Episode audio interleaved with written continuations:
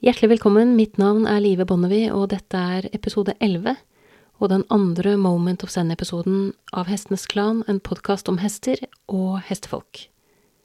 I dag skal jeg spole tiden eh, flere år tilbake og ta deg med opp til en god venninne av meg, som heter Tina og bor eh, ved foten av Rondane, for å gi deg et eksempel på det mange vil kalle hestens spirituelle side.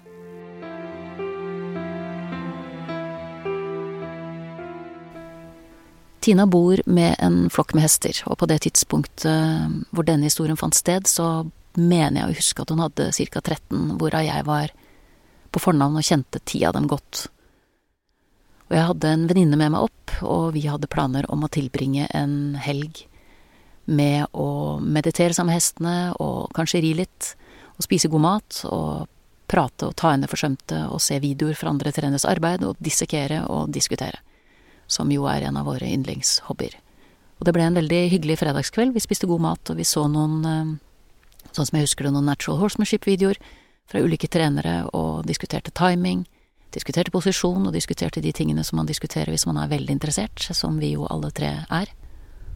Og så gikk vi jo etter hvert og la oss. Var vel, eh, det var vel eh, godt over midnatt en gang, sånn som jeg husker det. Og da vi våknet dagen etter, så laget vi oss en frokost i ro og fred, og satt og gledet oss til dagen og bestemte oss for å starte med å ri.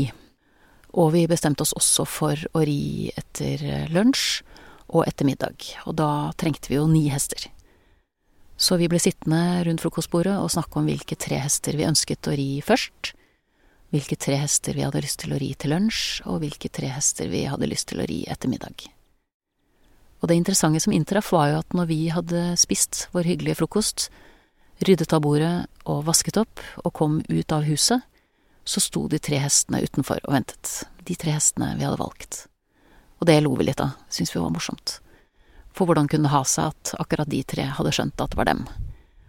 Så vi hadde litt moro av det, og Tina bor jo sånn til at hestene kan gå helt opp på trammen, så de sto altså bokstavelig talt rett utenfor huset, og vi salte opp, eller det vil si, det er vel kanskje ikke helt riktig å kalle det saler, eh, saler fordi hun, min venninne Tina rir med padder, hun rir bittløst, og hestene er uskodde, så det ble enkelt å ta på det lille utstyret som var, og vi hadde en nydelig tur eh, innover i fjellet.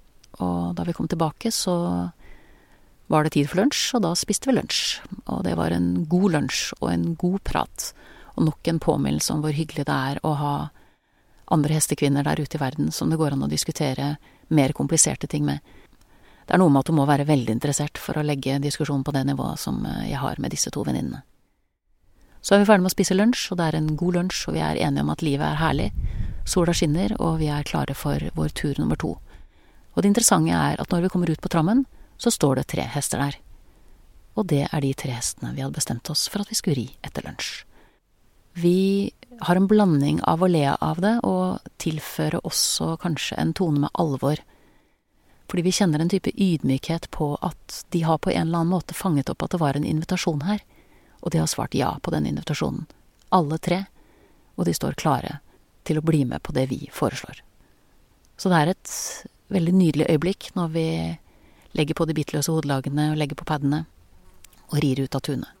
Og jeg husker det som en fantastisk nydelig tur på fjellet. Altså hvor vi kommer såpass høyt opp at det blir litt snauere. At det ikke er så mye trær lenger. Så åpent og fint. Så en nydelig tur etter lunsj, og vi kommer tilbake til gården, og vi er fulle av hesteliv og glede og over en kombinasjon kanskje av det vi har opplevd på de to turene vi allerede har hatt, og det vi har opplevd i alle de årene vi har kjent hverandre. Så det er en typisk en sånn, sånn dag hvor ting kulminerer, og vi kjenner at vi er eh, ikke på toppen av verden, men at det er en veldig, veldig god dag. Så kommer vi inn i huset, takker selvfølgelig hestene pent for turen og gir dem noen gulrøtter og noen epler som alltid er rutinen der oppe, og vi går inn, og vi spiser middag, og vi spiser en god middag. Vi tar oss god tid til å lage den, vi tar oss god tid til å nyte den, og så er vi klare for tur nummer tre. Og solen har begynt å ligge litt lavere på himmelen, men det er fortsatt varmt og mildt ute. Eh, litt sånn lett stekende sol, faktisk, så det er ikke lenger ut på ettermiddagen enn det. Det er en varm, god norsk sommerdag av det sjeldne slaget. Og jeg og Tina går ut på trammen, og vår felles venninne er litt bak oss. Så vi kommer ut først, og der er det ingen hester å se. Og vi har da på en måte forventet at vi er inne i en stim, eller en rutine, hvor de neste tre hestene ville stå klare, så vi stusser litt på det, og så går vi rundt hjørnet, og da ser vi jo hele flokken, og de eh, har en siesta. Så de har lagt seg rett ut flatt på bakken, og sekusene har tenkt å gjøre noe som helst resten av den dagen. Og vi blir stående og se på dem, jeg og Tina, og så kommer vår felles venninne bort og innrømmer at hun er sliten. Hun er for sliten til å ri, og lurer på om vi kan stå over den siste runden og heller ri dagen etter. Så de tre neste hestene som er valgt, de er ikke lenger valgt. Jeg vet ikke det, Tina vet ikke det, og min venninne vet ikke det når vi sitter og spiser middag. Men det kommer sigende inn at den siste turen som vi hadde planlagt, er en tur som ikke vil bli ridd. Og hvordan det nå har seg at de tre hestene som vi skulle ri først, sto klare. Og de tre neste hestene vi red etter lunsj, sto klare. Men de tre siste valgte å bli liggende i siestaen fordi den turen ikke ble noe av. Det er sånne øyeblikk med hester som aldri slutter å fascinere meg. Du har hørt episode 11 av Hestenes Klan, en podkast om hester og hestefolk. Takk til min faste komponist Fredrik Blom, takk til Tina og hennes vidunderlige hester, og sist, men ikke minst, takk til deg, kjære lytter, for tålmodigheten. Måtte hesten for alltid være med deg.